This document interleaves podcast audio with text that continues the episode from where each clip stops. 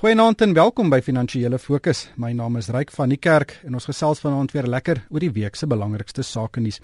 En ek het weer twee swaargewigte op die lyn om my te help. Magnus Huystek van Brente is 12 gesels uit Johannesburg. Goeienaand Magnus. Goeienaand Ryk.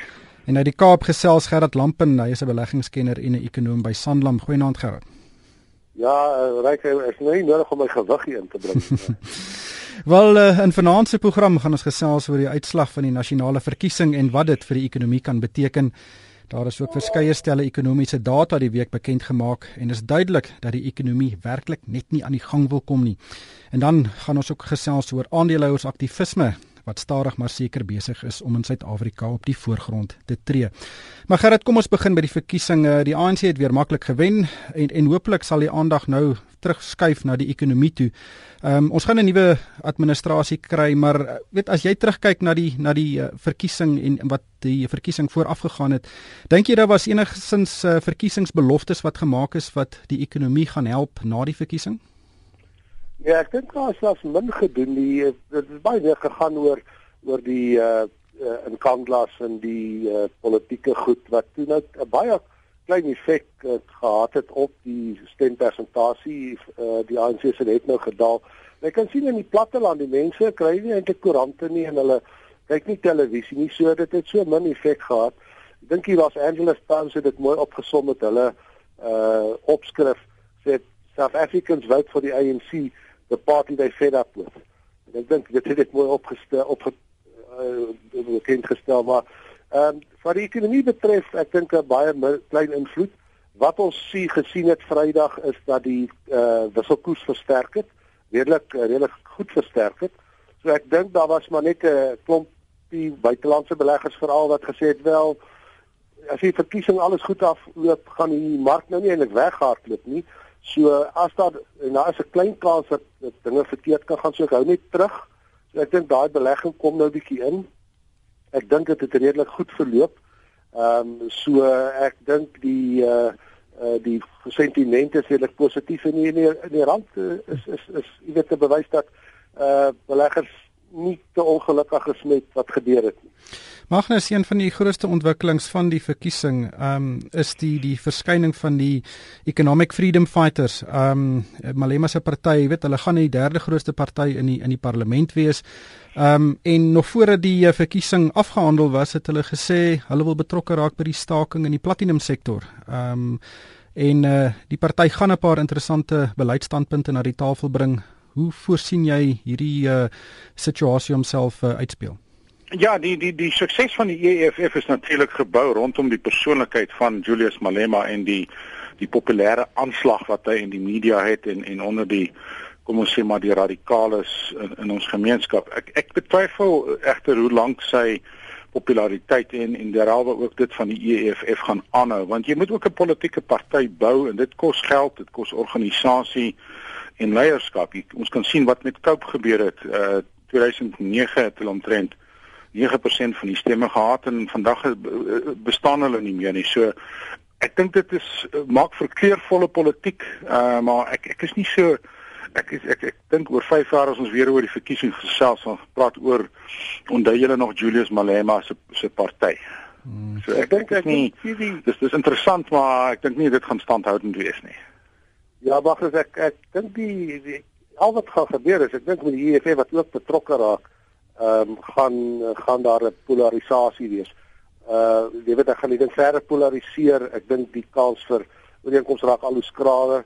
Ehm um, die die ek natuurlik glo dat die uh, mynhuise moet hulle hulle hakke insit en sê as ons sulke verhogings moet toestaan moet daar werksverliese wees want dan daar was ons nou die dreigement dat daar sal nie werksverliese wees nie. So ek dink uh, dit gaan dit gaan aanhou. Dit kan kan erg raak.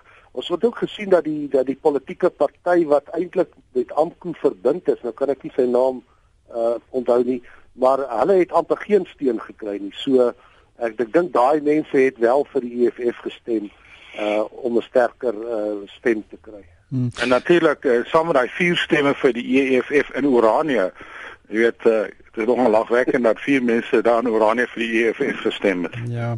Maar die die ekonomie, weet dis dis dis die, die, die ding in ons land waarom weet sosiale welvaart draai en in ons het ekonomiese data hierdie week gesien wat werklik ja. ehm um, teleurstellend was en wys dat die ekonomie regtig nie nie nie net nie aan die gang wil kom nie, maar daar kan ook probleme vorentoe wees. Ons het werkloosheidsyfers gesien wat gestyg het tot 25%. Ehm um, weet die vervaardigingssektor lyk of hy regtig in 'n krisis verkeer. Ehm um, Gerard, wat voorsien jy? Ons gaan oor 2 weke gaan ons 'n BBP syfer vir die eerste kwartaal sien en soos dit vir my lyk gaan ons 'n skrikwekkende syfer sien. Ja, die uh die ekonomie, dit is baie duidelik. Dat alle kyk, dis nie net 'n paar goeders nie, dit is oor die hele bedryf. Ehm um, hele ekonomie is dit baie baie uh, swak. Uh ons het groei. Uh dit uh, weet as ek nou kyk, lyk dit nou of ons hierdie jaar 'n groei van tussen 2 en 2.5% mag gaan hê, wat heel wat laer is as wat 'n uh, jaar terug is groei van oor die 3% voorspel vir vir hierdie jaar. En dit word nou afwaarts aangepas elke keer as jy kyk. Ehm um, en dit beteken dat min werksgeleenthede geskep kan word deur die private sektor. Ehm um, en dit beteken ook dat eh uh, jy weet dat jou aandelepryse eh uh, jou aandelemark kan nie 'n vreeslike groei hê nie. Jy weet ons ons verwag omtrent 10 tot 13% groei uh in die uh opbrengs op aandele wat dit nog steeds die beste bateklas maak. Dat ons nie dit vergeet nie uh, dit is by verre nog die beste bateklas. Met 'n inflasie van 6% is dit maar 'n redelike lae reële groei en ons het nou al amper 'n 10% stygings in die beurs gehad. So uh, dit dit los vir ons baie min oor vir die res van die jaar eintlik. Ehm um, net een ding wat ek wil noem is as jy die vorige 4, 5 jaar kyk, het ons elke jaar 'n suidelingse beweging gehad in die eerste 6 maande en dan het ons 'n goeie 20% uh, groei gehad in die tweede 6 maande. Hierdie jaar is dit bietjie anders. Ons het nou meer as 'n 10% groei gehad in die eerste helfte. So dit dit lyk vir my asof ons nie 'n baie gelukkige tweede helfte van die jaar op die beurs gaan hê nie. Uh die een voordeel is natuurlik vir vir verbruikers en ek weet ons het nou al verskil daaroor, maar ek dink nie daar gaan nog 'n rentekoersverhoging hierdie jaar kom nie. Well, um, ons die buite van die inflasiekoers. Maar die monetêre beleidskomitee sit ook ehm um, volgende week uh om 'n besluit te neem. Alle aanduidings is dat daar wel 'n koersverhoging gaan wees, maar met uh, die groei vooruitsigte wat ons nou het, Magnus, lyk dit uh, of dit 'n baie baie moeilike besluit gaan wees. Gaan baie moeilik wees. Die ekonomie koel baie vinniger af as wat mense dink. Jy kan dit sien in die die die die syfers van Able African Bank en jy kan dit sien in motorverkope. Hmm Kagiso se vervaardigingsindeks en dis meer. Ek dink Gerard is so 'n bietjie optimisties as ons 2% groei koers hierdie jaar gaan behaal, gaan dit goed wees. Uh daar is bietjie goeie nuus, die Europese ekonomie is besig om op te tel. Jy kan dit sien in die in die, in die, die Europese aandele en en daar kan ook 'n monetêre stimulering wees van uh Mario Draghi uh, in in Europa. So daar is bietjie goeie nuus want Europa bly nog steeds ons vernaamste uh handelsvernoot maar wat plaaslike toestande betref met plaaslike verbruikers onder geweldige druk sal jy maar bietjie in die buiteland moet gaan soek of maatskappye wat uh, al lankal gediversifiseer het en en en die sulke aandele moet soek. So ja, 10 of 15% gaan jy baie goed doen hierdie jaar. Hmm.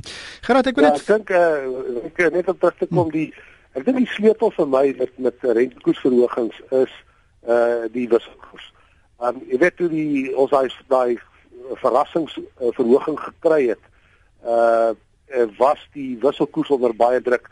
Ons het die fragile 5 gehad waarvan ons deel was wat uh, groot uh, wisselkoers uh probleme gehad het en en ek dink dit het swaarder geweeg op die rentekoersverhoging wat wat die uh, MPC besluit het as wat uh, die ekonomiese faktore uh, gedra het want niks het eintlik verander in die laaste paar jaar oor ja inflasiekoers gaan oor 6% gaan maar die ekonomiese groei is laag. Daai balans is nog steeds daar.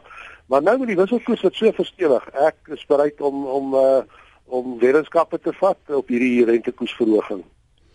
Ja, ons sal dit ek dink reg dit gaan 'n baie lang uh komitee vergadering wees deur die Reserwebank. Maar jy het net te verwys uh, geraad na die rand um wat hierdie week verstewig het. Uh hy is tot omtrent R10.30 teen die dollar, die sterkste vlakke in maande. Um aan die een kant is dit goeie nuus, maar aan die ander kant wys dit net weer eens dat 'n swakker rand um is nie werklik die die stimulus vir die ekonomie of vir vervaardigingssektor om om te blom nie. Ehm um, ons het ook swak vers, vervaardigingssyfers gesien. Dink jy baie, baie. dink jy dat ons weet ons is nou in 'n relatief stabiele ehm um, situasie met die rand. Ehm um, hy's een van die meer stabiele ehm um, uh, ekonomiese aanwysers wat ons het. Hoe voorsien jy die die pad vorentoe vir die rand en die impak daarvan op die ekonomie? Ja, die kyk die die uh ons het redelik lank gewag om die voordele van 'n swakker wisselkoers te sien in in iets soos die betalingsbalans. Ehm um, dit het nou eers begin die einde van verlede jaar uh en hierdie jaar eers begin deurwerk.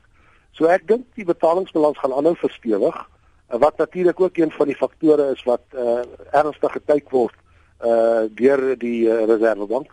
Uh en ek dink die sterker rand gaan baie bydra om inflasie uh op te slaan. Weet dat die inflasiekoers dalk nie so baie gaan styg uh, so ver bo 6% gegaan as dit as verwag word nie. Dit kan 'n positiewe bydra daai. Ek sien ook byvoorbeeld die uh, mieliepryse, die uh, graanpryse en die goeder se ook redelik uh, uh afgekom. So uh, ek dink daar's baie positiewe uh faktore, baie positiewe gevolge van 'n wisselkoers wat stabiel bly. Uh hierso tussen 10 en 11 uh sal sal ek dink baie goed wees vir ons uh vir ons land. Veral op die rentekoers kant en ook uh vir vir vir besighede. Dit gaan baie meer stabiel wees, is makliker om te beplan uh jou invoere en jou uitvoere. So ek dink 'n baie positiewe faktore en en my gevoel is dat ons hierdie jaar uh tussen 10 en 11 sal sal bly en dat ons die jaar onder 11 veral teen die dollar sal sal eindig. Magnus, uh, ons het ook hierdie week gesien dat die aandeelhouers aktivis Theo Botha ehm um, hy het sy sting dip gemaak by uh, by Absa se jaarvergadering en hy was baie ontevrede oor die uh, herverkiesing of uh, oor die nuwe uitvoerende direkteur Pieter Maclare uh, se verkiesing as 'n direkteur omdat hy net 7 van 14 vergaderings wat hy moes bywoon uh verbygewoon het op die Absa direksie. Ehm um, weet aandeelhouers aktivisme in Suid-Afrika is nog nie so groot nie. Dis 'n baie groot wêreldwye tendens. Uh, Dink jy hierdie tipe van optrede van iemand soos Theo Botha kan dalk uh, die uh, die platform skep vir groter uh, betrokkenheid van van minderheidsaandeelhouers? Ek dink nie so nie, Ryk, jy weet, Theo doen al baie baie jare sy werk uh uh en en hy is baie betrokke maar dit dit wil net voorkom asof daar nie 'n groot aptyt is vir aandeelhouers aktivisme in Suid-Afrika nie. Uh Presies, hoekom weet ek nie uh want ek dink meeste van die groot fondsbestuurders en die bestuurders van maatskappye amper kom ooreen waaroor om te stem en en, en dis meer. So jy gaan soms na vergaderings toe, toe ek nog 'n joernalis was en gaan jy na vergaderings toe van hierdie groot maatskappye wat wel in die nuus is vir een of ander rede. En dan is daar letterlik 5 of 'n handjie vol individuele beleggers wat opdaag uh, meestal vir die gratis toebroodjies en dis meer en een of twee vrae word gevra en en en en die vergadering is binne 'n halfuur oor. So daar is nie 'n groot aptyd vir vir vir sulke stormagtige vergaderings waar salarisse afgekeur word en direkteure uitgeskop word en dis baie baie ongewoon en ek dink een van die redes is dat meeste van die groot fondsbestuurders in Suid-Afrika het het het hou vas op die aandeelhouers vergaderings en as hulle nie uh, saamspan in optree uh, ek dink nou vinnig terug aan in die laaste Kebel die maatskappy in die nuus was was daar redelike aktivisme teen die die die, die direksies in Swan en afgesien daarvan nie baie in Suid-Afrika nie. Kyk die die openbare beleggers uh, beleggingskommissaris um, is nou en dan betrokke by sekere uh, weet algemene wit jaarvergaderings waar hy sy stem dik maak, maar buiten die die die uh, beleggingskommissaris en miskien nou en dan die Eskom pensioenfonds gerus is die batebestuurders in Suid-Afrika maar eintlik baie baie stil tydens hierdie geleenthede waar daar uh, soms uh, weet sensitiewe goed op die tafel is wat bespreek moet word en dan word dit net nie gedoen nie. Ja, dit is punt. Ek dink hulle is omtrent die grootste aktiviste is die uh, eh. Ehm uh, maar wat wat my nogal vir my interessant is is ehm um, die wat die die aktivisme wat die uh, eh, PIC doen is meer polities gedrewe en is nie noodwendig die beste vir sy fonds nie. In baie gevalle byvoorbeeld om die uh, ek ook uh, Ingram oorname te te staan uh, en en nie te aanvaar nie. Ek dink ek is 'n baie swak besluit vir jou uh, lede wat afhanklik is van jou opbrengs. En uh, ja, wel, dit is ongelukkig so verskeie 'n verskeidenheid van mense en dan sal seker nou nie aksie kom nie, maar dit is nou nie onmoontlik wees vir iemand om om uh, die PIC te dagvaar om te sê wat die besluit wat jy neem is polities gemotiveer en ek het uh, geld verloor daardeur nie want ek het gesien wat met Adcock se aandeleprys gebeur het uh, na die sluiting van daai uh, daai aanbod en die aanbod wat ervaar is van van Chili nie. Magnus net laastens, die tyd is besig om ons in te haal. Die beurs is hierdie week deur 49000 punte. Uh sou jy iemand geglo het wat vir jou op 1 Januarie gesê die beurs gaan uh in middel Mei of vroeg in Mei op 49000 punte staan? Dit is dit was nie voorsien nie en en jy weet almal het gewaarsku dat hierdie jaar gaan 'n time jaar wees in die mark. Maar die die wêreldekonomie, ek dink dis die sleutel vir ons mark. Die wêreldekonomie is besig om te herstel. Europa en natuurlik ook die FSA en so aan. So ons word meer aangedryf deur daardie globale kragte. Want as jy kyk na die die die die betrokkeheid van buitelandse aandeelhouers op ons beurs en die persentasie verdienste wat die uh genoteerde aandele in die buiteland toenemend verdien word al hoe groter en groter. So mense moet meer kyk na die globale marktoestande En dit is redelik positief. So mense uh, afhangende van wat in die in FSA aangaan en ook in Europa kan daar dalk nog 'n verrassing wees die res van die jaar, maar 'n mens moenie verwag dat elke jaar 'n 15% plus op op opbrengs gaan lewer nie en jy moet ook baie beslis bietjie meer kieskeurig wees waar jy jou bates allokeer. Ongelukkig hierdie tyd ons ingehaal. Baie dankie aan Magnus Huystek van Brentus Wealth. Dankie Magnus. Goeienaand. En Gerard Lampen van Sanlam. Dankie Gerard. Baie dankie. En van my ryk van die kerk, dankie vir die saamluister.